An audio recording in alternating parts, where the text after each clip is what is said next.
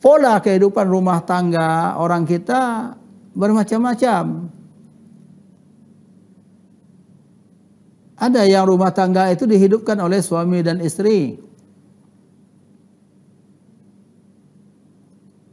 Yang penting ya kita kerja sama-sama kerja, ya sama-sama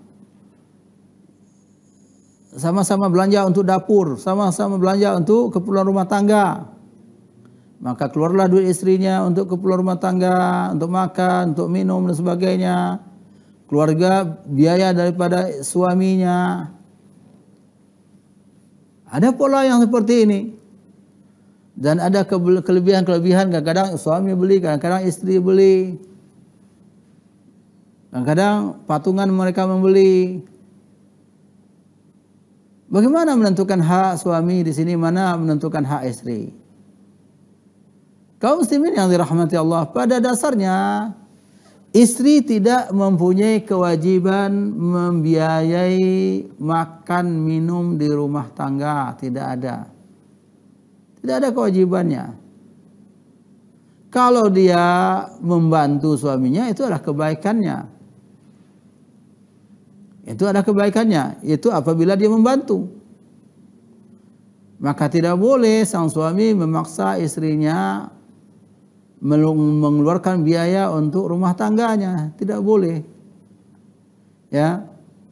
Karena kewajiban untuk menafkah menafkahkan keluarga, menafkahkan istri, anak itu adalah kewajiban daripada suami. Nah, inilah penghormatan Islam terhadap perempuan. Jadi kalau di sini ketika perempuan mendapatkan separuh harta, eh, mendapatkan separuh daripada laki-laki, setengah daripada laki-laki, kalau Islam itu diterapkan, harta perempuan ini akan bertambah, harta harta laki-laki akan hilang habis. Kenapa? Karena dia banyak membiayai. Kemudian kaum muslimin yang dirahmati Allah, andai kata suaminya itu, andai kata istrinya itu, dalam keadaan terpaksa membantu suaminya, dalam keadaan terpaksa membantu suaminya, menafkahi rumah tangganya, dan dia letih dan penat bekerja demi hidupnya rumah tangga. Apabila suaminya apabila ya, suaminya itu meninggal ya. Atau salah satu di antara mereka meninggal salah seorang di antara mereka meninggal harus dipisahkan harta itu terlebih dahulu. Harus dipisahkan. Berapa peran daripada suami dalam menghidupkan rumah tangga? Dan berapa peran istri dalam menghidupkan rumah tangga Maka apa yang dikeluarkan oleh istri bisa dijadikan sebagai nafkah terhutang suami. Suami bisa dijatuhkan hukum berupa nafkah terhutang. Kenapa? Karena suami tidak memenuhi semua kebutuhan makan dan minum ke rumah tangga. Istri juga ikut ya menghidupkan rumah tangganya. Sang, sang istri bekerja, sang suami bekerja. Sang suami urusannya adalah urusan luar rumah tangga, urusan sekolah anak, membeli apa-apa yang dibeli, mobil, kendaraan, apa namanya kendaraan, kemudian membuat rumah, itu daripada duit, duit suami. Sang istri biaya rumah tangga, biaya hidup rumah tangga makan dan minum, mengadakan peralatan rumah tangga dan sebagainya.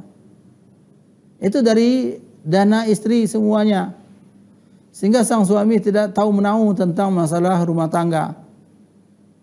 Lalu sang suami mengatakan bahwa semua yang ada di sini adalah harta saya. Kamu tidak punya harta.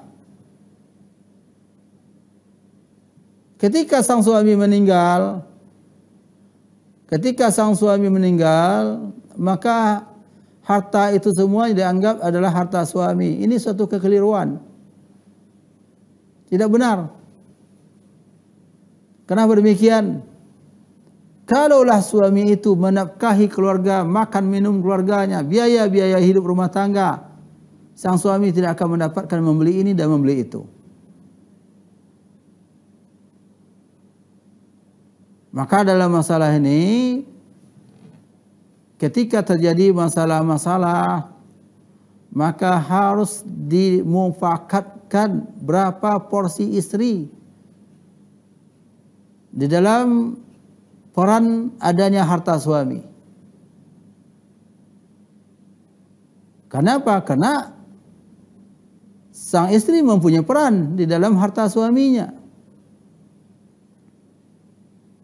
Jadi tidak dianggap semua tadi adalah harta suaminya lalu ketika suami itu tidak punya anak seperempat daripada hak semua harta. Tidak harus dikeluarkan bagian daripada istri perannya sebagai seorang istri terhadap perkembangan eh, beradanya keberadaan harta suami ini.